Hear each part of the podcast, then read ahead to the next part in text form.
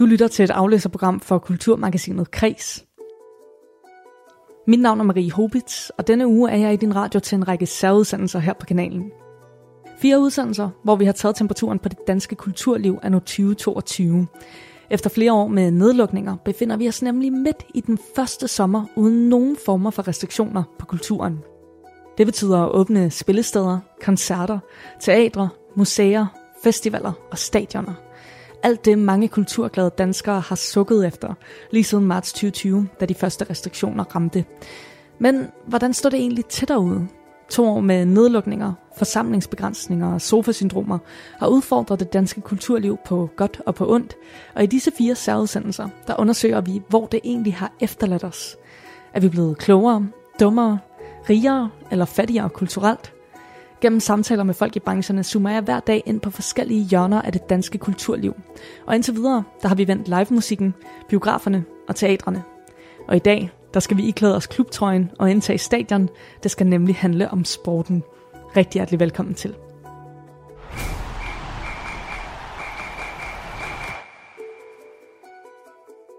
Hvis man skulle tegne et komplet billede af den danske sportskultur i 2022, så vil vi få enormt travlt den næste times tid.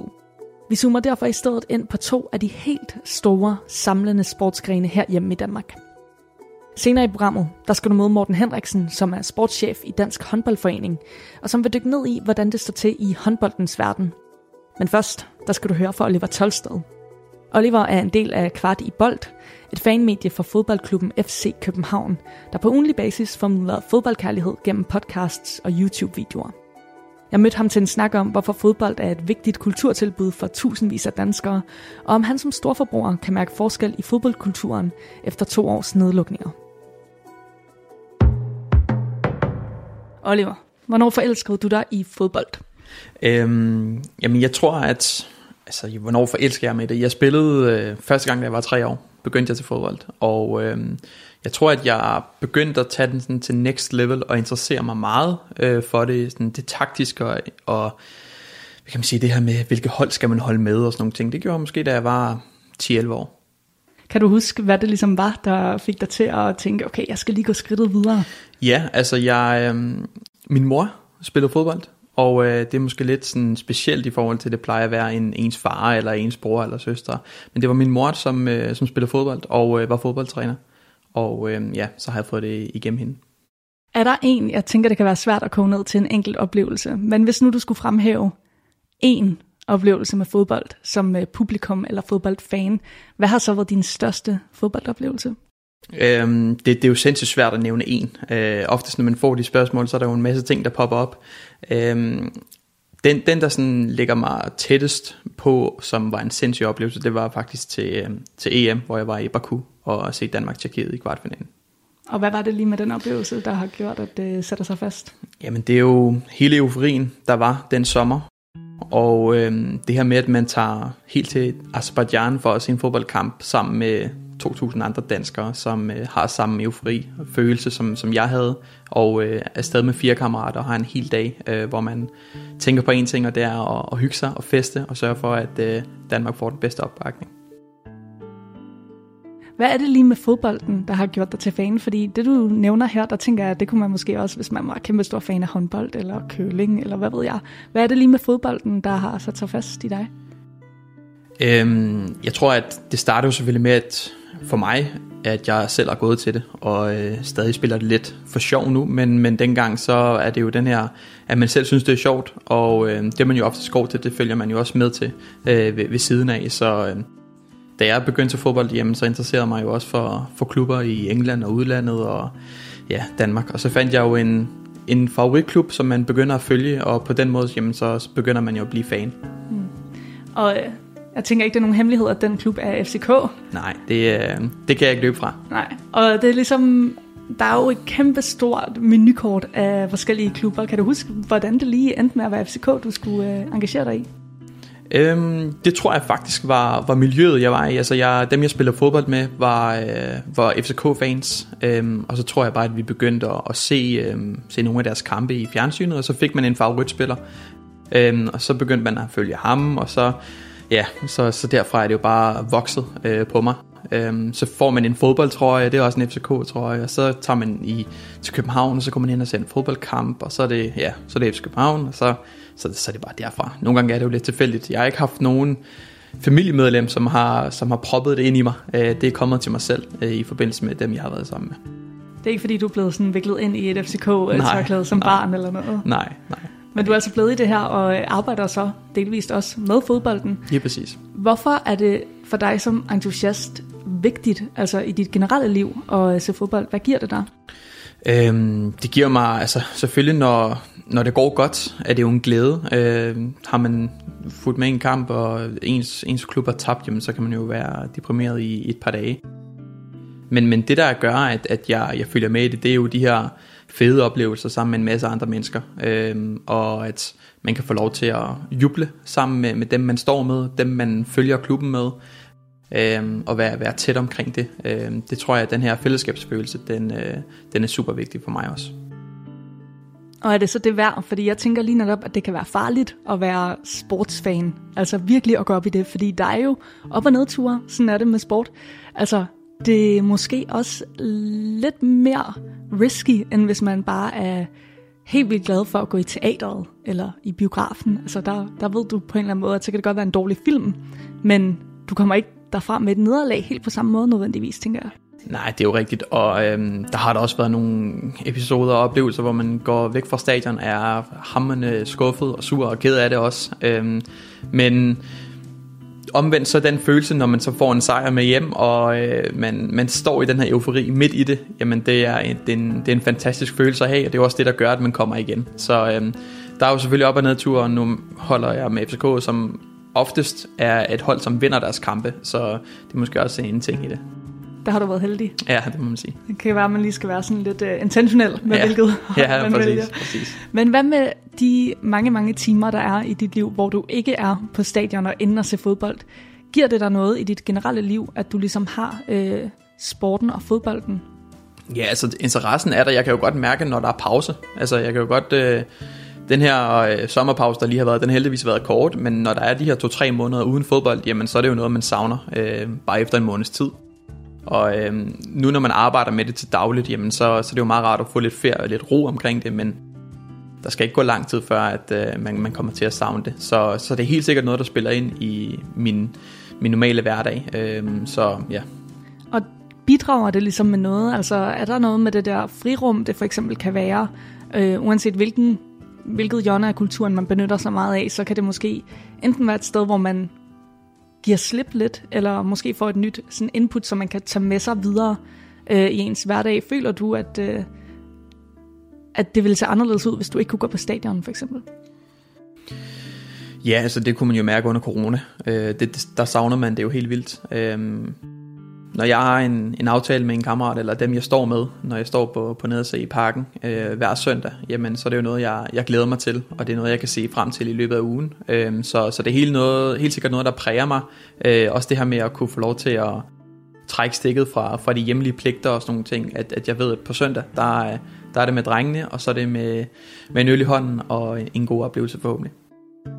Og for de uindvidede, jeg tænker, der er nogen, der måske lytter med, som aldrig har været til en fodboldkamp. Kan du lige prøve at beskrive, hvad sker der egentlig, når man tager ind og ser fodbold?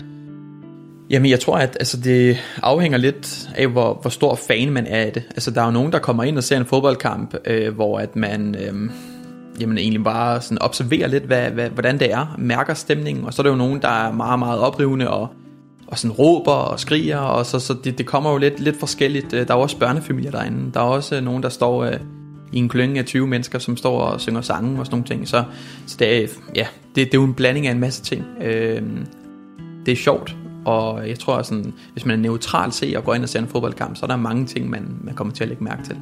Og det er jo blandt andet sådan, hvordan er det folk, de, øh, de opfører sig på, på tribunen, og hvordan er det, øh, ja, at det ser ud, når man er derinde og ikke kun ser det i fjernsynet. Og nu nævnte du det lige hurtigt før, men der har jo været en tid, hvor at vi måske var lidt i tvivl om, om vi ville kunne gøre det her. Altså gå i stadion hver uge. Hvordan har tiden under lockdown været for dig, rent fodboldmæssigt? Jamen, den har jo øh, været ja, tæt på deprimerende. Altså, øh, det har... Øh, det har været skrækkeligt. Ikke blot det her med, at, at der er jo også de, de normale ting i hverdagen, som bliver taget lidt fra en. Øhm, og når det så også er det her frirum, man har, som vi var inde på før, det her med at tage i, tage i parken, som, som jeg nu gør øh, med mine kammerater, og ikke at kunne det, øhm, det er selvfølgelig noget, som, som man går ind på, og det, det kan godt være, det lyder vildt, hvis man ikke er øh, sportsinteresseret, men, men det er noget, som, som øh, er med til at ja, irritere en en lille smule. Fordi man tænker måske, hvis man lige netop ikke selv er inde i den verden, så tænker man, om kunne I ikke bare mødes øh, og gå en tur i, i skoven og drikke en øl, eller hvad ved jeg? Altså, kan det ikke substitueres med noget andet, den her oplevelse? Øhm, jeg tror ikke, altså det kommer jo selvfølgelig an på, hvor stor fan du er. Øh, men, men for mit vedkommende, så nej. Altså jeg har øh, haft sæsonkort nu i, i 10 år, og det er jo blevet en del af mig. Det er jo blevet en del af mit liv, øh, og det er jo noget, der bliver taget fra en. Så, så når man er fan på det niveau, som jeg er, så, så er det svært at øh, erstatte det med noget andet. Har du gjort nogle ting under nedlukningen for ligesom at udfylde det tomrum? Hvordan har du sørget for, at du ligesom kom igennem det, hvis man kan sige sådan? Øh, jeg tror, at det jeg måske har sådan gjort mest, det er at, at snakke med folk, der har stået i samme situation som mig, og ikke kunne tage i parken og øh, hygge sig. Øhm, så jeg tror, at det det her med at snakke med nogen, som er i samme båd, øh, og det, det, det er måske det, jeg har gjort allermest. Jeg tror ikke, jeg har erstattet det med noget andet, men jeg har snakket med dem, jeg plejer at øh, ja, tage parken med. Mm. Og ligesom på en eller anden måde også måske holde lidt fast i det fællesskab, I har omkring sporten. Ja, præcis. Og så kan man sige, at da den var lukket helt ned, og der ikke var noget i fjernsynet heller, så var det jo helt skrækkeligt. Så kom der jo så, øh, de begyndte at spille igen, dog uden fans, men så var der jo alligevel noget at snakke om, så mødtes man jo alligevel om søndagen, og så det bare foran fjernsyn i stedet for. Mm. Hvordan var det, den oplevelse med at se fodboldkampe uden publikum? Fordi der er jo både noget med, okay, jeg kan ikke selv få lov til at komme ind og se fodbold, som er noget, du gør, men når man så ser det på skærmen, så er der heller ikke publikum, der sidder og hujer og hejer. Hvordan var den oplevelse for dig? Øhm, ja, det, er jo, det, er jo, det var meget specielt. Altså, jeg, øh, det er jo slet ikke det samme. Øh, og det kan man jo også godt høre på, på de spillere, der udtaler sig efter kampen, at der ikke har været nogen fans. Så det er jo, ja, fodbold er jo for fansens skyld, så, så for mig at se, så øh, ja, det var bare slet ikke det samme. Og er det en stemningsting, eller er det, altså kunne man godt fokusere på spillet i sig selv? Fordi jeg tænker også, at det er jo egentlig er derfor, man er der. Man er der for at se de her personer spille en sport og score nogle mål og lave nogle fede taklinger og sådan noget. Altså, hvor vigtigt er det, at der sidder folk og hæpper? Øhm, jeg tror, at hvis man har været inde og se en fodboldkamp med og uden fans, jamen så, øh, så er det jo vidt forskellige ting. Så, så det er selvfølgelig vigtigt. Altså det skaber jo en stemning. Det giver jo også noget energi til spillerne inde på banen, som, som gør, at man måske laver den her ekstra hårde takning for at få tilskuerne med. Øhm, og det her med, når der er mål, at der så ikke er nogen, der jubler, jamen det, det virker lidt specielt. Øh, det virker lidt som en træningskamp, selvom det er, øh, på, i det tilfælde var det jo øh, stadig nogle kampe, som, som gav nogle point, som man skulle bruge. Så, så det, var, det var en meget, meget speciel øh, ja, tid at øh, se fodbold uden, øh, uden fans på stadion i fjernsynet. Hmm. Og nu er vi så tilbage igen, der er pakket stadioner, og du kan gå i parken så ofte du vil nærmest. Noget, som jeg tænker, du har set frem til, og som rigtig mange andre har set frem til. Hvordan har du så oplevet det at komme tilbage på stadion? Øhm, det har været fedt. Altså, jeg kan huske den første kamp, jeg var inde at se efterfølgende. Det var jo det her, hvor der var en, en lille, stadig lidt restriktioner, hvor der var 10.000, hvor der var et sæde mellem hver. Og øhm, det, det, det fungerede, og bare det her med at kunne få lov til at træde ind på stadion og sidde på sin plads, eller, det, var, det var jo fantastisk. Øhm, så, og nu er der jo fuld øh, hus igen og fuldt pakket, og øh, ja, det er, bare, det er bare skønt. Og er det en oplevelse af, at nu er vi ligesom tilbage, og alt er som det skal være? Alt er som det var, inden vi lukkede ned? Eller kan du godt mærke, at vi er gået igennem en periode, hvor at, øh, omstændighederne simpelthen har været meget, meget anderledes? Ja, helt sikkert. Øh, nu når jeg arbejder med det jeg gør, jamen så, øhm, så kan vi jo også godt se rundt omkring, at der bliver solgt flere billetter, der er flere sæsonkort, der bliver købt, øh, folk har savnet det. Øh, euforien også efter det EM, der var i Danmark, hvor at der er nogle måske nye tilhængere, der er kommet til, og kan man sige, være en, en, en fan af fodbolden, øh, som også begynder at interessere sig for, for nogle klubber, og nogle gange er det jo FC København, som også som, øh, man får fat i. Og så er det jo bare, at at man, man ser, at der er flere på stadion nu øh, generelt, og det er jo øh, både i Danmark, men også i, i udlandet. Men man kan jo se i gennemsnit, at øh, der, der er flere på stadion, og det skyldes helt sikkert, at der har været en, en nedlukning, som, som har gjort, at man har savnet det. Så der er simpelthen flere på rækkerne, end der var, inden vi lærte corona? Ja. Helt sikkert. Det er noget af det, som er gået øh, lidt igen i de udsendelser, jeg har lavet, som altså har handlet om biografer og teatre og spillesteder, det har været, at det godt kan være lidt svært at få folk tilbage. Altså folk skal lige sådan bryde ud af deres vanemønstre, de skal lige huske, gud ja, det er fedt at gå til koncerter, eller det er fedt at tage i biografen. Måske har man fået et eller andet surround sound system derhjemme, eller et stort lærred, og derfor kan det være lidt svært ligesom at komme ud og benytte sig af de kulturtilbud, der er tilbage. Men du siger egentlig, at du oplever det modsatte inden for fodbolden. Inden for fodbolden er det øh, eskaleret fuldstændig. Så øh, jeg tror, at igen, jeg var inde på det før, der har EM gjort øh, helt sindssygt meget. Den eufori, der var den sommer, den har øh, gjort, at folk har fået øjnene op for, for fodbold. Og hvordan var lige netop den oplevelse? Fordi jeg tror, uanset om man var fodboldfan eller ej, så var det som om, at EM sidste år, det var ligesom på alle slæber. Det stod helt umuligt at komme udenom. Hvordan var det øh, som generelt fodboldfan og en, som altid har gået op i det, hvordan var det at befinde sig midt i det? Jamen det var jo, øh, det var jo kæmpestort. Altså, øhm, der var jo det her med Christian Eriksen, som, som gør, at, at man rykker sammen i bussen øh, generelt, uanset om det er nogle mennesker, man står med, som man ikke kender eller kender, der, der var det jo stadig øh, en følelse af, at man, man tager en hånd om hinanden og, og samles, og øh, når de så gør det så godt, som de gør, og øh, det begynder at blive, blive spændende, og man kan dufte noget af, af en eller anden ting, hvor at man tænker, her kan der godt ske et eller andet sådan helt vildt, øh, jamen så, øh, ja, så kunne man jo se, hvor mange mennesker der var på gaderne.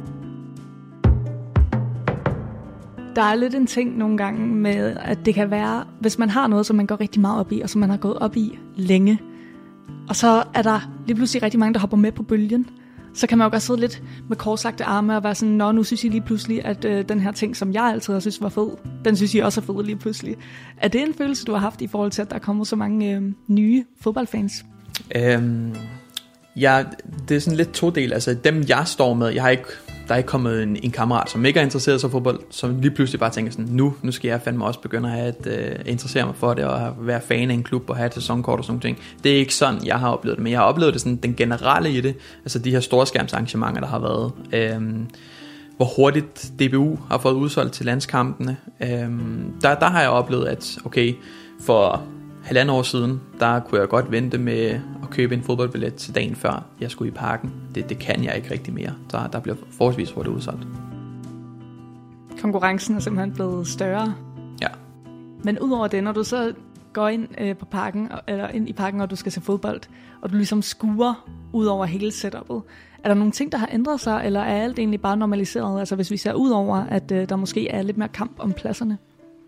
Jeg har en følelse af, at, at der faktisk er kommet flere øh, piger og kvinder. Det, det synes jeg er mega fedt. Øhm, og så har jeg også en, en fornemmelse omkring, at, at der er også flere unge, altså gennemsnitalderen er blevet en lille smule lavere. Og det er både på godt og ondt, øh, må jeg indrømme. Jeg synes, at øh, der er nogen, der godt kan finde ud af at opføre sig ordentligt. Og så har jeg også oplevet, at jeg har selv stået i parken, hvor at jeg har haft nogen bag mig, som har råbt de, de diverse skældsord og, øh, og kastet øl på banen. Og det er jo og det gider man jo ikke. Øhm, nu så vi det her arrangement, storskærms arrangement, der blev lukket ned, da der var det her Nations League for et par måneder siden, hvor at, øh, der var nogen, der kaster møl, og der er nogen, der får det i hovedet, og ja, så lukker man det ned, og det er jo bare, det er jo super ærgerligt, så burde det ikke være. Så du føler, at der måske er kommet lidt mere rowdy stemning nogle gange? Ja, og så øhm, tror jeg også, at det her med, at den her eufori, som har gjort, at jamen, så har man festet ude på gaderne, og når der så er noget i fældeparken, jamen, så, skal man, så er det måske noget, man samles omkring. Det kan være, at frem for at tage ud og spise, eller tage ud til, til nogle venner, der holder en fest, jamen, så mødes man i fældeparken i stedet for, og drikker sig fuld der, og, og selvfølgelig har det sjovt. Men, men der er også rigtig mange, der står med ryggen til, og bare er der for at ja, være til en eller anden fest, og det er ikke altid lige sådan der. Så du kunne måske godt savne, at folk var der lidt mere for bolden? Jeg kunne godt tænke mig, at, at man, øh, når man kommer ind til, til en fodboldkamp, eller tager ind til Fældeparken, jamen så, øh, så først og fremmest så opfører som man så ordentligt. Man øh, ser det, der er på skærmen, fordi det er derfor, man kommer. Øh, og ellers synes jeg, man skal blive væk. Øh, man må gerne stå der, man behøver ikke at være klistret til skærmen. Man må gerne stå og snakke med, med sine venner, men man skal bare opføre sig ordentligt og huske på, hvorfor er det, man er der. Øh, man er der ikke for at kaste øl, fordi der er nogen, der scorer. Øh, der, jeg oplevede det selv her igen, øh, sidste gang jeg var i, i Fældeparken, og ikke havde en billet til, til selve kampen inde i parken, jamen så, øh, så stod jeg sådan langt tilbage med, med mine kammerater, og så øh, er der jo bare nogen, der bare står og snakker, og så er der mål, så tager man lige pludselig en øl, så kaster man den op i luften, og det, det er sådan en underlig tendens, øh, der, der er startet. Det, det synes jeg er sindssygt ærgerligt. Tænker du måske, at der også er en overgangsperiode? Altså nu talte vi tidligere om, at der, må, der måske er nogen, som har lidt svært ved at komme ud af sofaen og hen på spillestedet eller i biograferne. Det der med, at folk lige skal lære de der kulturvaner igen. Tror du, at det her er noget, der kommer til at ændre sig? At det bare handler om, at folk lige skal være på stadion lidt længere? Eller er du bange for, at det her simpelthen er den tid, vi er gået ind i, at nu er det en anderledes kultur, når man ser fodbold?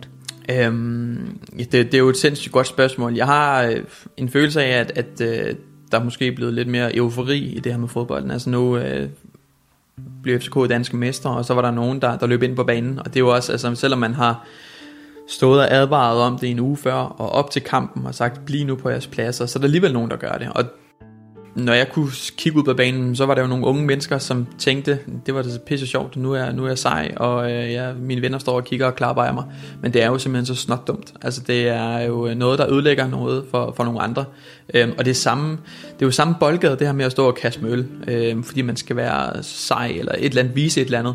Og det, det, er, bare, det er bare noget underligt noget at gøre.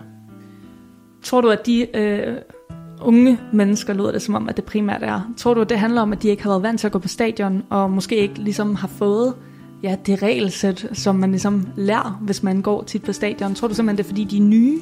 Eller tror du, at der er sket et eller andet under corona, som har gjort, at der er et eller andet opbygget energibehov, som øh, nu bliver ladt ud?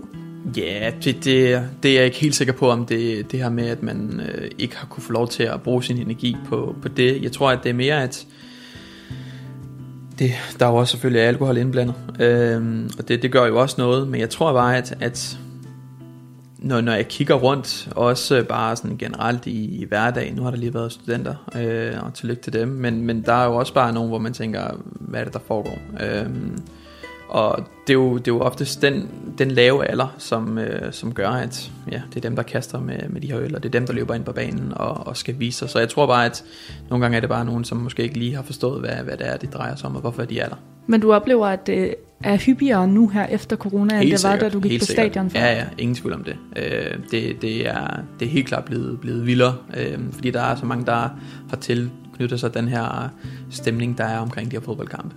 Hvad med dig selv? Altså nu er du tilbage og øh, har selvfølgelig også haft den her periode, hvor du har set fodbold, i hvert fald under nogle helt andre omstændigheder. Kan du mærke, at din tilgang til det at gå på stadion har ændret sig? Nej, øh, jeg glæder mig lige så meget. Jeg øh, står stadig øh, lige så stille, som jeg plejer, og også råber et par gange, men jeg, jeg er ikke en af dem, som, som råber og skriger. Jeg, øh, nu arbejder jeg selv med fodbold, øh, og jeg er, sådan, jeg er en type, der, der observerer meget, og ser, hvordan de spiller, og øh, prøver at analysere lidt på tingene. Øh, så, og når de scorer, så, så er jeg selvfølgelig mega glad, og, og jubler, og råber og skriger, men øh, jeg er ikke en, som, øh, som står og råber og synger hele tiden, det er jeg ikke. Så du agerer i hvert fald ikke anderledes. Hvad med inde i hovedet? Altså er det en anden tilgang, du har, når du øh, skal ind og se fodbold? Måske fordi, øh, det er bare noget, der er blevet sagt tidligere i, i den her programrække også, at folk ligesom uh, de har ligesom mærket, at det ikke er en selvfølge, at jeg får lov til at gå i teateret. Og på samme måde er det heller ikke en selvfølge, at man får lov til at komme på stadion. Yes. Kan du genkende det? Ja, det, det kan jeg faktisk godt. Altså det første halve år, hvor man kom tilbage, øhm, fordi der kom jo den her anden bølge, hvor der først blev lukket op, og så kunne man få lov til at komme i parken, og så blev der skulle lukket ned igen. Øhm, så så det, det første halve år, jeg var i parken, der, der var det virkelig med at nyde det. Det er den følelse, jeg, jeg havde, at nu skal jeg ind og hygge mig, og det skal jeg virkelig nyde. Øhm, nu er det så blevet en, en normal ting, ligesom alle mulige andre, så begynder det sådan at fade lidt ud, det her specielle, med at nu man får lov til at komme derind igen. Ikke? Så, så det, øhm, i starten synes jeg, jeg havde det på samme måde, som, som dem du øh, ja, reflekterer til. Men det har ligesom normaliseret sig allerede nu? Nu er det Helt sikkert. En del nu, er det, nu er det en del af, af mig og min, min hverdag. Hmm. Hvad så, hvis vi ser lidt fremad øh, for dig som fan og forbruger og en, der dyrker øh, fodbold rigtig meget? Hvad kunne du godt tænke dig skulle ske inden for fankulturen eller inden for kulturen omkring det og så fodbold? Jeg synes, man skal holde fast i de her øh, arrangementer, der er øh, rundt omkring i landet. Øh, blive ved med at holde store skærmsarrangementer, fordi at man kan godt få fyldt det ud. Man kan godt... Øh, få lavet nogle fede arrangementer ud af det. Og så synes jeg, man skal blive ved med at dyrke det her, øh, ja, den her eufori, der, der er, det skal vi holde fast i. Øhm, nu er der nogle kvinder, der spiller EM lige i øjeblikket, og det, øh, de skal også have, have nogle øh, ekstra fans med. Øh, det synes jeg også er noget, man skal blive ved med at pace, at man begynder at interessere sig for det. Øhm, så, så overordnet, så skal man blive ved med det, man gør, så skal man prøve at, at se, om man kan få nogle af de mennesker, som ikke kan kan opføre sig ordentligt, øh, gjort det et eller andet ved det.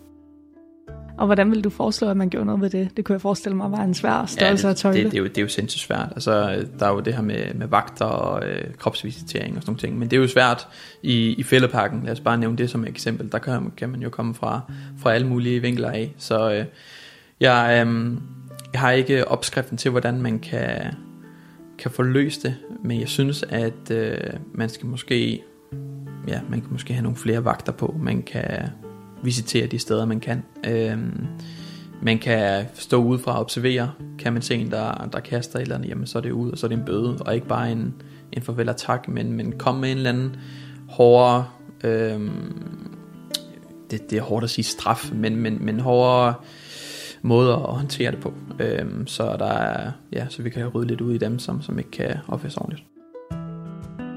Jeg tænker også, det er noget af det, som du arbejder med, det er vel lige netop også at tale om fodbold, og i det ligger der jo også noget kultur. Er det også sådan, måske jeres ansvar som publikum, ligesom at, at lige tjekke ind med hinanden og være sådan, hey, det er sådan her, man kommer på stadion? Ja, altså jeg har jo, jeg har jo to forskellige vinkler. Altså jeg er selv talentscout, så det arbejder jeg med, og så har jeg... Øh, har jeg den her, øh, kan man sige, det her fanmedie, som, som vi driver omkring FC København, hvor vi tiltaler det her rigtig meget med at huske nu at opføre sig ordentligt, huske nu at og gøre plads til hinanden, og er der nogen, der ikke har en billet, jamen så sørg for, at billetten giver videre, og øh, lad være med at råbe og skrige, lad være med at kaste med øl. Så alt det, som FC København selv melder ud i forhold til ølkaster og lad være med at løbe på banen, det melder vi jo også selv ud i vores podcast, så vi forhåbentlig kan, kan sprede det her så meget som overhovedet muligt, så alle forstår, at, hvordan er det, vi opfører os. Jeg hørte dig egentlig sige to ting, som har ændret sig under corona, og det er, at der måske er flere mennesker, der er mere rift om billetterne, og der er større eufori på godt og ondt. Vil du helst have den fodboldkultur, der er her efter corona på stadion, eller den, der var tilbage i 2019, inden alt det her skete? Helt klart nu her. Øh, det, det er sindssygt fedt. Altså, den her fællesskabsfølelse, der jo er også i det, øh, det synes jeg vægter højere end, end nogle af dem, som ikke kan opføre sig ordentligt. Øh, det håber jeg, at man på sigt kan få en lille smule ud i, og lave nogle retningslinjer, der giver mere mening. Øh, så, så, så helt sikkert som det er nu, det synes jeg, vi skal holde fast i, og så håber jeg, at det bliver endnu vildere. Øhm, men stadig med, med folk, som kan opføre sig ordentligt. Oliver, tusind tak, fordi du havde lyst til at være med. Selv tak.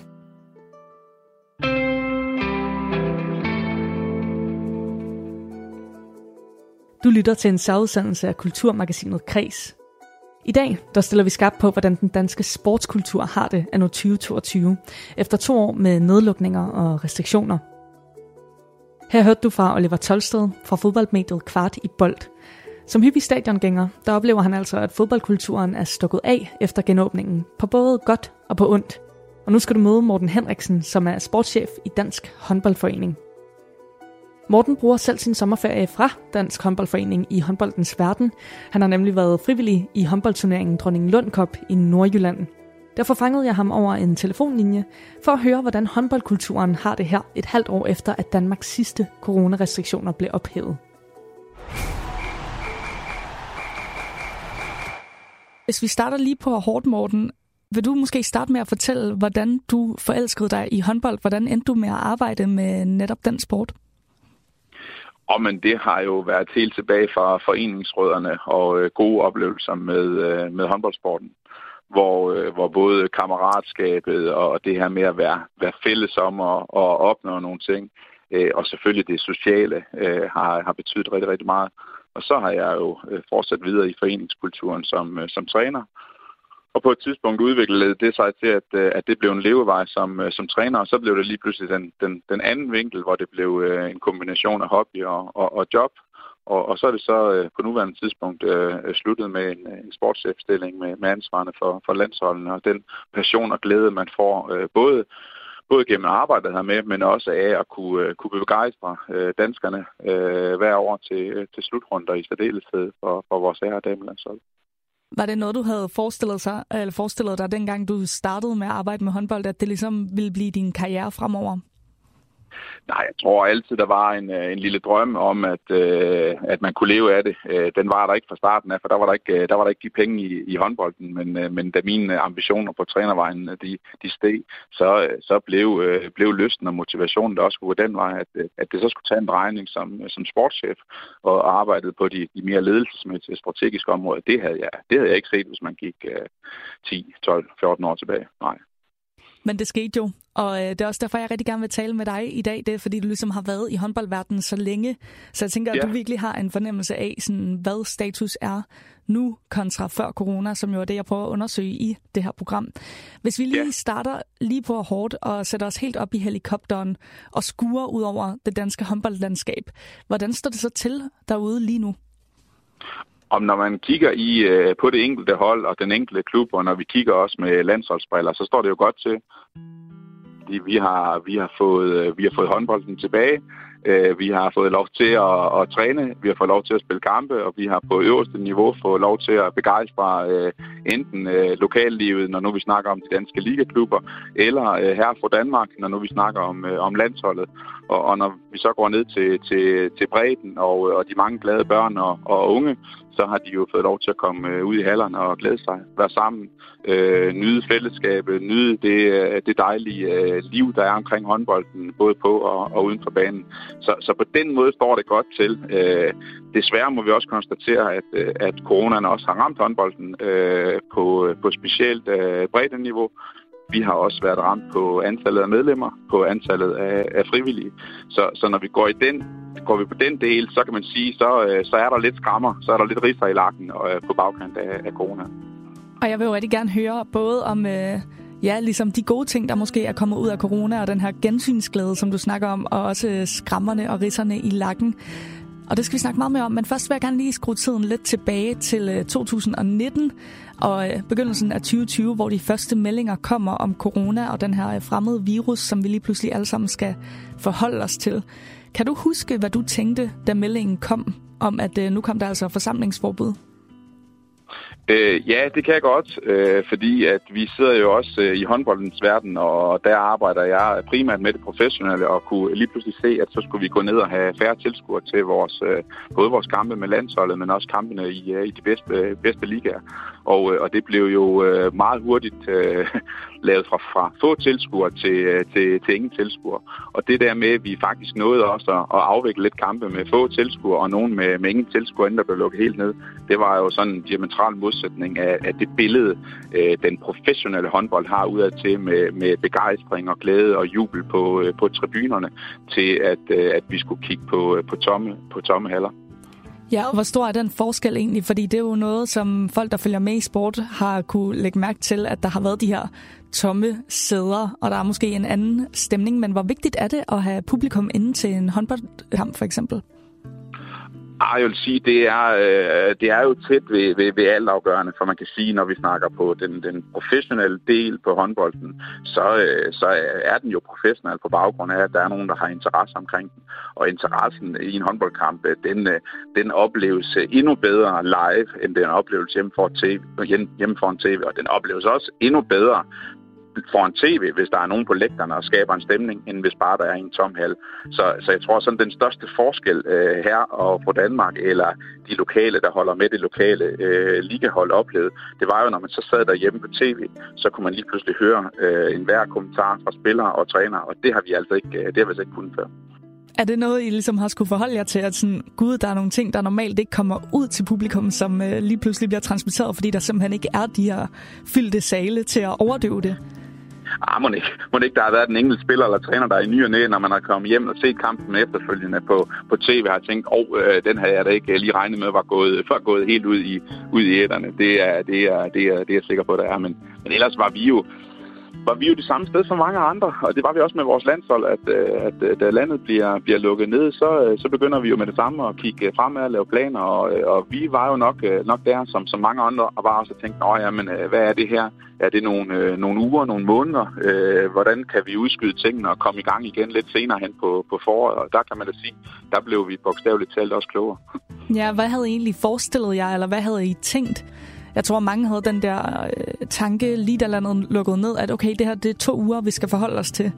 Og det virker jo ikke så voldsomt. Øh, de fleste kunne godt forestille sig to ugers ingenting.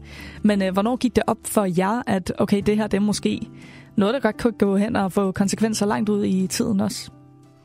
Jo, jamen, vi startede også med at, at, at, at udskyde uh, ligaerne og kigge på, hvordan kunne vi få den uh, øh, i gang senere. Vi kiggede hele på vores landsholdssetup, hvor vi faktisk har en del kampe hen over, uh, over foråret og se, jamen, hvad, hvad er det så, hvad er det, vi kan gøre, og hvordan kan vi, kan vi komme i gang senere. Og jeg, jeg, jeg, tror for sådan, det er rigtigt. Vi, vi sidder jo nogle stykker også og kigger sådan uh, på hinanden og siger, uh, kan det her, hvor skidt kan det være? Men, uh, men vi var, vi var, uh, vi var henne uh, et godt stykke hen på foråret, før vi indser, at det her, uh, det, er, det er noget, der kan komme til at tage, tage et pænt stykke tid. Og alligevel var vi heller ikke længere der, øh, end, øh, end at vi så hele tiden tænkte, jamen vi er da i hvert fald klar til øh, næste års, øh, eller man kan sige øh, næste sæsons øh, mesterskaber, som øh, vi jo stod og havde et, et mesterskab på dansk grund i, øh, i december med vores, øh, vores damer, og skulle til Ægypten med, med herrene. Øh, der, øh, der i, i maj-juni måned, der havde vi ikke øh, i tankerne, at corona stadigvæk skulle, skulle husere der, og øh, det må vi da sige, der blev vi også klogere. Ja, det endte jo med at husere på mange forskellige planer, altså både med tomme sale og også øh, spillere, der ja, simpelthen hele hold, der nærmest måtte lægge sig ned i de her turneringer, fordi at øh, der var smittespredning. Fra jeres side, hvordan overskuer man den situation? Altså følte du, at I var ordentligt klædt på til ligesom at gennemføre de her øh, store håndboldturneringer, hvor corona stadig huserede? Ja, men altså, øh, når vi så kommer hen og finder ud af, at, øh, at der i, øh, i december 19 og januar 20 også skal afvikles, skal afvikles mesterskaber i, i, i, hvad hedder det, december i, i, i Danmark og i januar i, i undskyld, nu er jeg jo i december 20 og januar 21 skal afvikles mesterskaber for vores, for vores damer her der, øh, der er vi da rigtig spændt på det på dansk grund, og går jo i lang tid og håber på, at der kan laves en eller anden undtagelse, hvor man kan få nogle tilskuere ind og kigge på, hvad er mulighederne for at sige, kan man sidde på hver anden sted, kan man sidde på hver, hver tredje sted. Øh, og det starter jo med et mesterskab, som, øh, som åbner uden tilskuere. Det vil sige, at vi har, jeg tror, det er 200 300 øh, kommersielle folk ind, øh, og det bliver jo faktisk også øh, lukket ud yderligere, så vi slutter øh, vores damemesterskab i december måned øh, uden, øh, uden tilskuere på, øh, på, øh, på lægterne og spiller i, øh, i øh, uh, Messecenter i boksen øh, med, med fuldstændig tomme sæder øh, på nær nogle, øh, nogle pap-personer, øh, vi har placeret på, på langsiden, der skulle prøve bare visuelt at se ud, som om øh, det ikke så, så, så alt for dødt ud. Men, men vi lykkedes rigtig, rigtig flot med det, og det var jo det gode med den, med den professionelle idræt, at, øh, at der øh, lavede man øh, også en undtagelse og, og lod de her rækker køre, køre videre. Og heldigvis viste vi jo der, at det kunne, uh, kunne lade sig gøre. Både vores, uh, både vores håndboldliga og vores landsholds har jo, har jo været i gang ret hurtigt igen efter nedlukningen, har kørt hele tiden, dog øh, i store perioder uden tilskuere, men også uden den store smittespredning øh, internt mellem holdene, og vi lykkedes jo med et mesterskab på dansk grund, i, hvor, hvor der rent faktisk kun var, var det 3-4 positive cases fra starten, og der ikke var øh, yderligere smittespredning under, under mesterskabet. Og, og så har vi jo haft en, to mesterskaber igen her i, i januar i år og, og december sidste år igen på, på udebane, hvor, hvor vi også er kommet flot igennem. Så, så sporten har heldigvis vist sig på, på ypperste niveau øh, godt at kunne, øh, kunne gennemføres til trods for, for, for de her svære omgivelser. Morten, noget af det, som øh, lidt er gået igen i de samtaler, jeg har haft med folk fra forskellige hjørner af kulturlivet i det her program, det er, at der har været lidt katastrofetanker øhm, især inden for live-musikken og også inden for biografer, der ligesom har siddet en masse folk og tænkt, gud, det kan simpelthen være, at vi ikke overlever det her. Det kan være, at på den anden side, hvis der overhovedet er en anden side, så er der ikke, så er der ikke nogen spillesteder tilbage, så er der ikke nogen biografer, der stadig er op og køre. Vi når simpelthen at blive kørt helt til bunds og måske gå konkurs, inden vi kommer tilbage. Har I nogensinde haft de tanker, at øh, det her kommer vi simpelthen ikke til at komme levende igennem? Og vi har, vi har også været bekymret på, på, på ypperste niveau. Altså det ypperste niveau, de lever øh, af sådan tre øh, primære ting. Øh, det ene, det er en øh, tv-aftale, og øh, tv-aftalerne skal jo overholdes ved, at man kan spille kampen og komme, øh, komme ud, øh, og ud og bevise til, til de mange tv-serier. Den anden del er jo de kommersielle øh, aftaler, som jo både vedrører, at der er nogle, øh, nogle annoncører og nogle sponsorer, øh, men også at der er noget, øh, noget setup øh, rundt omkring i en kamp, øh, hvor, øh, hvor der kan skabes nogle oplevelser, og der kan skabes noget værdi for de her øh, kommersielle partnere. Den del blev jo ødelagt. Heldigvis fik vi lov til at spille vores kampe, så man kan sige, øh, reklamerne på banen, på trøjerne osv. kunne stadigvæk, øh, kunne stadigvæk øh, vises for, for, for omverdenen. Øh, og den sidste del er jo, jo tilskuerdelen, som, øh, som på håndbold er lidt mindre, end hvis man for eksempel tager en idrætsgren som fodbold, der har øh, lidt flere tilskuere inden, men alligevel røg den del jo også fuldstændig væk. Så, så øh, jeg ved jo, at både klubber og også os som forbund selvfølgelig har været bekymret i, øh, i den her tid. Heldigvis øh, har vi jo ligesom Øh, flere andre øh, virksomheder også haft muligheder i forskellige støtteordninger til at have en eller anden grad af kompensation, der kunne gøre, at vi kom igennem. Og jeg er sikker på, at havde vi ikke haft den, havde vi også set øh, flere konkurser i, øh, i håndboldverdenen. Jeg tror, vi har klaret det som, som, som forbund. Vi, øh, vi har øh, trods alt en, en, en, en forholdsvis reel berettigelse og skulle nok være kommet igennem en, en længere periode. Men jeg er sikker på, at vi har set et, et landkort med, med håndboldklubber, som, som ikke har klaret det, hvis ikke der havde været støtte i den her periode. Mm. Kan du huske, hvad I ligesom forventede, når man så genåbningen for sig? Fordi jeg tror, mange havde øh, sådan en idé om, at på et eller andet tidspunkt, så kommer de til at ringe med klokkerne, og så kommer ja. det ligesom til at være over, du ved, sådan nærmest ja. Øh, befrielsesdags stemning. Og det er jo ikke ja. sådan, det har været. Det har været en gradvis ting. Du snakker også om det her med, at så har man haft nogle tomme sale, man godt kunne køre håndboldkampe, og der har ligesom været forskellige måder, som man har kunne åbne lidt og stadig komme igennem. Men nu befinder vi os altså et sted, hvor der ikke er nogen restriktioner overhovedet. På mange øh, måder, det vi alle sammen har gået og sukket efter. Kan du huske, hvordan I ligesom havde tænkt, at øh, det ville være, når vi vendte tilbage efter corona? Og det siger jeg selvfølgelig i store citationstegn. Ja, jamen øh, fuldstændig som du beskriver det. Øh, vi gik også i starten med, med mange planer, og det var egentlig både på, på, på eliteniveau og også på bredde-niveau om, hvordan øh, skulle vi lave den her fejring, når vi var tilbage øh, efter eller post øh, corona. Øh, kunne man lave nogle store begivenheder rundt omkring, både i breddeklubberne og eliteklubberne, hvor det skulle fejres. Og så blev vi jo også der klogere, det er jo sådan det generelle ord her hele vejen øh, igennem øh, coronapandemien, at, at vi, vi hele tiden lærer at tilpasse os, fordi det blev en, det blev en gradvis øh, åbning, og det blev ikke sådan en helt stor fejring. Vi fik lov til at kunne træne under nogle begrænsede forhold i nogle mindre grupper, også på breddemæssigt. Vi fik lov til, som, som vi har snakket om før, at afvikle de her håndboldkampe og, og være undtaget øh, alle restriktioner som professionel øh, idræt. Så den største fejring, der det endte med at være, var jo egentlig, da de da de sidste begrænsninger og sanktioner blev ophævet, og vi nu øh, har et, øh, et, øh, et, et forholdsvis frit øh, på den måde øh, Danmark, og, eller man kan man sige, håndbold Danmark, og, øh, og gebærde os i. Vi kan have fyldte, øh, øh, fyldte tilskuere, øh, eller fyldte øh, tilskuer på, på, på lægterne igen, og, og det, det, det er der flere klubber, der sådan har markeret en lille smule, men, men det blev slet ikke den der sådan store åbning, som, som vi også har gået og haft i tankerne fra Dansk Håndboldforbund. Mm. Hvordan står det så til lige nu? Du øh, fortalte lige kort om det tidligere og siger, at øh, der jo er enormt stor glæde, men at der måske også er nogle, øh, nogle risser i lakken, der hænger ved. Hvordan har det ligesom udspillet sig her i den her genåbningstid? Jo, men altså det vi sådan generelt ser, det er jo selvfølgelig lidt forskelligt, når vi sådan snakker ligaklubniveau. Øh, hvad er det, man oplever her? Nogen har kæmpet lidt mere med at få tilskuerne tilbage på lægterne, og andre har oplevet ret hurtigt stor interesse. Nogen har været lidt ramt af, at nogle af deres kommersielle partnere har haft øh, et, øh, en, en, en negativ øh, periode under coronaen og har ikke kunne støtte håndbolden på samme måde. Andre er, har oplevet et, et, et lokalt fællesskab, hvor man står endnu mere sammen om, om det lokale øh, ligehold. På, på landsholdsniveau er vi kommet, er kommet godt igennem det. Vi har oplevet, at, øh, at fyldte lægter egentlig har, har oplevet, at når folk har haft mulighed for at komme tilbage til, til håndboldhallen, så har de haft lyst til at komme og se vores landshold igen.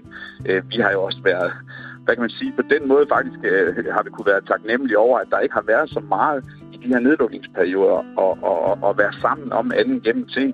Øh, og det har vi jo det har vi jo set gennem fællesang på, sang på tv, men vi har jo også fik det i december og januar måned med vores kvinder og herrelandshold, som har samlet et, øh, et rigtig flot antal tv-seere, fordi her var der ligesom noget, vi kunne stå, stå sammen til, og det, det tror jeg også har udmyndtet sig i, at vi, vi fortsat så stiller, stiller godt med billetter og har god opbakning omkring vores landshold. Og så er der ritterne i lakken, som jeg snakker om, når vi sådan kommer helt ned på foreningsniveau, fordi øh, her er det jo ikke professionelle organisationer, der er det jo Foreningsdanmark, der skal stå sammen med en masse øh, frivillige folk, og der er jo flere klubber, der kæmper på, på de to niveauer. Det ene med at finde øh, frivillige ledere, frivillige trænere, der øh, vil bruge tiden og ikke har fundet ud af i corona, at det var egentlig skønt, at i stedet for at skulle tage til træning to gange om aftenen, så kunne man lave noget andet, eller være sammen med sin familie, eller man kunne tage lidt mere i sommerhus, og, og, og nu finde tilbage til de glæder og de fællesskaber, der er i, øh, i Foreningsdanmark. Og, og det andet niveau netop på, på spillerniveau, hvor der jo er øh, børn, som øh, har oplevet de her nedlukninger og ikke har fået lov til at kunne gå til håndbold, men måske i stedet for øh, kunne få lov til at gå til en udendørs øh, idræt. Og dem, øh, dem ønsker vi jo øh, så nu fra håndboldforbundet at få tilbage i, øh, i hallerne igen og sikre øh, de glæder, øh, de oplevelser, som, øh, som håndboldsporten kan give. Øh, og det tænker jeg egentlig sådan er en generel opgave, vi har som, øh, som forenings øh, Danmark, at, at sikre, at, øh, at det her øh, gode øh, øh, setup, vi har, øh, at det, øh, det kommer øh, op og køre øh, fuldt ud igen. Det er noget, som jeg også har stødt øh, på i nogle af mine tidligere samtaler, at der er lidt bekymring for den især unge generation, som ligesom måske ikke har nået at lave de kulturelle eller sportslige vaner, som man vil gøre i en tid, hvor der ikke var nedlukning. Så man er måske ikke startet til håndbold, man har måske ikke vendet sig til at gå på festival, eller i teateret, eller i biografen på samme måde. Hvad gør I for ligesom at hive de her mennesker ind i øh, jeres sportsgren? Ja, men vi har også kigget ind i, i Dansk Håndboldforbund på, hvordan er det, vi kan støtte op derude omkring. Vi er jo en, et forbund, der, der er bygget op af forskellige distrikter, hvor, hvor ude i distrikterne løber der også forskellige foreningskonsulenter, som, som jo nu har en opgave at komme ud i foreningen og kigge på, hvad er det, der er nødvendigt at bakke op om og hjælpe med ude i de respektive foreninger. Et af de ting, vi sådan overordnet set fra forbundets side har sat fokus på, det er at prøve at sige, hvordan får vi de, de frivillige trænerledere, og specielt trænerdelen, hvordan får vi, hvordan får vi den øh, hvad kan man sige, kørt, kørt op igen, øh, sådan at vi ikke står og, og, og det bliver, det bliver tordenskjold og soldater, og, og de også går, går døde derude. Og et initiativ, vi har lavet i samarbejde med DIF, er, er noget, vi kalder trænerkaravanen, hvor vi, øh, hvor vi vil prøve at komme ud i, øh, i klubberne og hjælpe dem med at og, og, og give rammer og skabe muligheder for at få de, få de frivillige trænere ind igen. For de ved godt, at, at er trænerne der ikke, jamen øh, så, så er spillerne der heller heller ikke. Altså det er afgørende for, at, at en håndboldspiller både kommer ind i en klub, og i særdeleshed, at handlen hun bliver, det er jo, at der er nogle gode oplevelser, at man oplever, at man kan udvikle sig som håndboldspiller, at man oplever, at det er socialt, og man har det godt sammen. Og, øh, og der håber vi, at vi prøver at kan, kan, kan, kan bakke klubberne op om det flotte arbejde, de laver derude, men, men det er og bliver et, et langt sejt træk vi har før oplevet nedgang i, i, i medlemstal, og ved godt, at øh, der er ikke nogen quick fixes på at få, få folk tilbage i, i hallerne. Det kræver, øh, det kræver hårdt arbejde, både af Dansk Håndboldforbund, men i særdeleshed af de mange klubber, øh, som, øh, som knokler øh, med, med at få frivillige folk til at arbejde for det her øh, i, øh, i hverdagen. Det var også noget, der fyldte rigtig meget i snakken om festivaler og live musik. Den her mangel på frivillige. Vi ser musikfestivaler i år, der er blevet nødt til at øh, simpelthen betale folk for opgaver, som frivillige normalt varetager. Hvor vigtigt er det for jer at have de her frivillige? Hvorfor er det så vigtigt for håndbolden, at øh, der simpelthen er frivillige kræfter til at løfte? Jamen det, øh, det er det jo, hvis vi skal være en, øh, en stor sport, og jeg kan jo starte med på, på øverste niveau. Øh, en af grundene til, at vores landshold er så populær i håndbolden, er jo de mange håndboldspillere, der løber rundt omkring. Alle, eller rigtig mange danskere har jo en, en relation ind i håndbolden, og enten spiller selv, eller kender nogen, der har dyrket det, og derfor er det en, en populær sport. Hvis vi skal blive ved med at, at have det, så har vi både brug for den opmærksomhed, der er ved, at mange dyrker den, men vi har også brug for talentmæssigt, at, at rigtig mange mange elever spiller håndbold som børn og unge, sådan vi også finder øh, de talenter, øh, der nu er rundt omkring, som kan gøre, at vi, vi fortsat skal, skal bevæge os i toppen af international håndbold på, på landsholdsniveau, fordi vi er, jo, vi er jo en lille nation, når vi kigger på befolkningstal. Vi er heller ikke en nation, der økonomisk er med i de bedste, men, men vi har været med i dansk øh, landsholdshåndbold, fordi at der er så mange øh, velfungerende foreninger, der er så mange håndboldspillere, der løber og glade hver dag, og, øh, og løber og træner under nogle øh, dygtige trænere og forældre, som, som er med til at flytte dem, øh, dem, dem dertil. Så, så det er den ene ting, og så øh, ned på bredden niveau, der er øh, frivilligheden jo, jo basen, fordi vi, øh, vi er i et samfund, hvor øh, kontingenterne ikke er til, at det er lønnede trænere, vi er, vi er vildt afhængige af frivillige ud omkring, og det er vi både til, til den daglige træning, men det er vi også ligesom festival, eller til de mange arrangementer, håndboldklubberne øh, har øh, derude nu. Jeg har selv fornøjelsen af lige nu at, og, og, at give lidt igen og være frivillig til, til et øh, stort håndboldstævne, og, og der mærker vi det samme. Øh, færre frivillige, og når der er færre frivillige til at få tingene til at køre, så hænger det på de samme skuldre, øh, og lidt mere arbejde til dem. Og, og, og hvis det så ender med, at man gør, at man siger nej tak, jamen så, øh, så, så, så ødelægges sådan et stævne, og det ødelægger jo både nogle, nogle sociale relationer, det øh, ødelægger nogle gode oplevelser, men det ødelægger også nogle øh, fundamenter omkring økonomien, som, som de forskellige klubber. Og det er jo ligegyldigt, om det er et håndboldstævne, om de hjælper til en festival og tjener lidt penge der, eller det er det lokale marked, eller den lokale koncert. de forskellige håndboldklubber skal også tjene deres, deres penge, og det gør de gennem frivillighed. Så, så, så det er altafgørende for, at, øh, at håndboldforeningerne fortsat skal eksistere fremadrettet. Vil du også have været frivillig i 2019, eller er der ligesom også for dit vedkommende kommet et, øh, en større bevidsthed omkring, at okay, det er der faktisk behov for lige nu? Øh, jeg, har, jeg har altid nyt øh, en gang imellem at kunne, øh, kunne træde lidt tilbage og få lov til at være i, øh, i, i, i tilbage til, til, til rødderne, kan man sige, øh, og Forenings Danmark. Jeg synes, øh, den glæde, øh, det giver at få lov til at være sammen og om at lykkes nogle ting og, og være sammen med, med andre mennesker, det er, det er fantastisk. Og, og det er det, jeg tror, vi skal, vi skal have folk ud og opleve igen. Det er det, der kan være glemt, og nu øh, snakker vi om, at spilleren kan have glemt det, for, for nogen har. Nogle af dem, der for eksempel er med til det her håndboldstævne, har jo netop ikke oplevet et håndboldstævne i to år, har slet ikke prøvet det før, øh, selvom de egentlig har alderen til at skulle have været med i, øh, i, øh, i flere år. Men, øh, og nogle af deres forældre, som, som plejer at hjælpe, de har sgu helt glemt, at når de kommer, kommer herud, så er det faktisk hyggeligt, og så giver det et, et fællesskab. Og, og der, øh, der skal vi have trukket folk væk fra, fra øh, fra græsplænen og øh, sofaen og tv-skærmen og hvad det nu ellers er. Og vi skal nok også trykke nogle af, øh, trykke nogle af de unge øh, mennesker væk fra computerskærmen og øh, iPad'en og, og mobiltelefonen og ud og få de her oplevelser, som er med til at øh, danne øh, de unge øh, mennesker til, til gode demokratiske borgere, der er med til at give en, øh, os alle sammen en, en god oplevelse af at være, være fælles om noget, øh, der gør en forskel i, øh, i Danmark. Føler du, at der er nogle store lærestreger, eller ligesom nogle ting, I er blevet klogere eller dygtigere til. Der er jo den her meget klichéfyldte saying med, what doesn't kill you, make you stronger. Og nu er vi ligesom på den anden side, og håndbolden har overlevet, og du siger, at der stadig er nogle risser i lakken, og vi mangler nogle frivillige blandt andet. Er der nogle lærestreger eller nogle gode ting, der er kommet ud af den her tid, vi alle sammen har været igennem?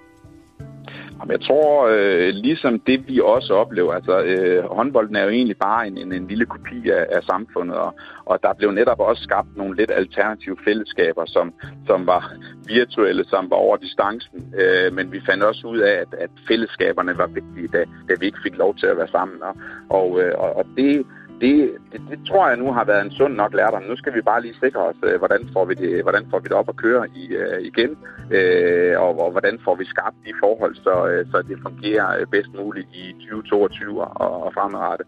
Så, så det er jo en af tingene, og så uh, har der da været noget omstilling. Øh, hvor, hvor, hvor hurtigt man kan omstille sig både på, på eliteniveau og på, på breddeniveau til at sige, at nu er det en, øh, nu er det en lidt anderledes verden øh, der, er, øh, der er vi der blevet udfordret, og må ikke også vi er blevet endnu mere omstillingsparate fremadrettet med, med de sidste to års øh, corona. Og hvis vi så ser fremad, hvad, hvis du ligesom fik magten og helt selv kunne tegne, hvordan det skulle se ud om, lad os sige, et halvt år eller et år. Jeg ved ikke lige, hvordan du tænker, at øh, tidshorisonten er. Hvad drømmer du eller I om øh, skal ske på øh, sportsfronten her hjemme i Danmark, for ligesom at komme helt op og støde, hvor at øh, de der riser i lakken, de er blevet malet over, og alt står lige som det skal? Jamen, øh, først og fremmest på, på aller ypperste niveau glæder jeg mig øh, over, at det ser ud til, at vi nu øh, kan, kan være øh, de håndboldlandshold, der er helt tæt på deres fans. Vi har jo også haft lukket i to år for autografskrivning. Har måttet øh, skuffe den øh, 10-årige pige eller dreng, der har stået efter en landskamp, og nu får lov til at komme ind og se den, men ikke kunne få deres autograf bagefter. Har været begrænset af, hvilke interview og så videre kan vi lave. Jeg håber, vi kan komme helt ud og skabe den glæde og begejstring, både for vores, øh, vores børn, øh, men også de yngre og ældre publikum, øh, som, som gør, øh, som, som giver en, en, en glæde og en begejstring. Øh, det er vores øh, alfa og omega for vores landshold. Det er, at vi vil, vi vil skabe en, en rød-hvid fællesskabsfølelse. Vi vil skabe nogle, nogle gode oplevelser for dem, der kommer ud og, øh, og, øh, og følger os.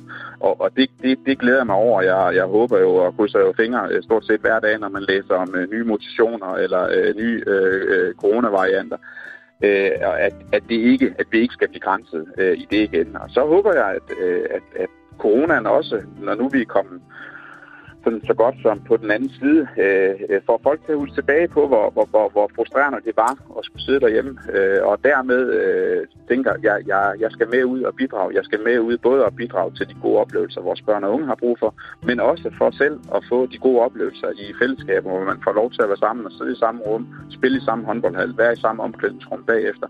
Øh, det, øh, det, det håber jeg virkelig, at, øh, at vi husker mange år fremadrettet, og derfor også bliver ved med at, at have masser af engagement engagement i, øh, i vores øh, foreningsidræt. Og tænker du, at det er opnåeligt? Øh, ja, det, øh, det, det tror jeg. Øh, og øh, som jeg siger, det er et, det er et langt sejt træk, fordi at øh, verden bliver, bliver hurtigt den samme igen, og, og man kan få nye vaner. Øh, og her har vi så en, her har vi så en opgave som, som, som både forbund og, og, og de forskellige foreninger til at få bevidstgjort folk om, at øh, det her, den her idræt, den her sport, den, den kan noget, og det skal vi, det skal vi holde fast Morten Astrup Henriksen, sportschef ved Dansk Håndboldforbund. Tusind tak, fordi du havde lyst til at være med her i Kreds. Så lidt. Du har lyttet til en særudsendelse af Kulturmagasinet Kres. Produceret af Tiny Media for Radio 4.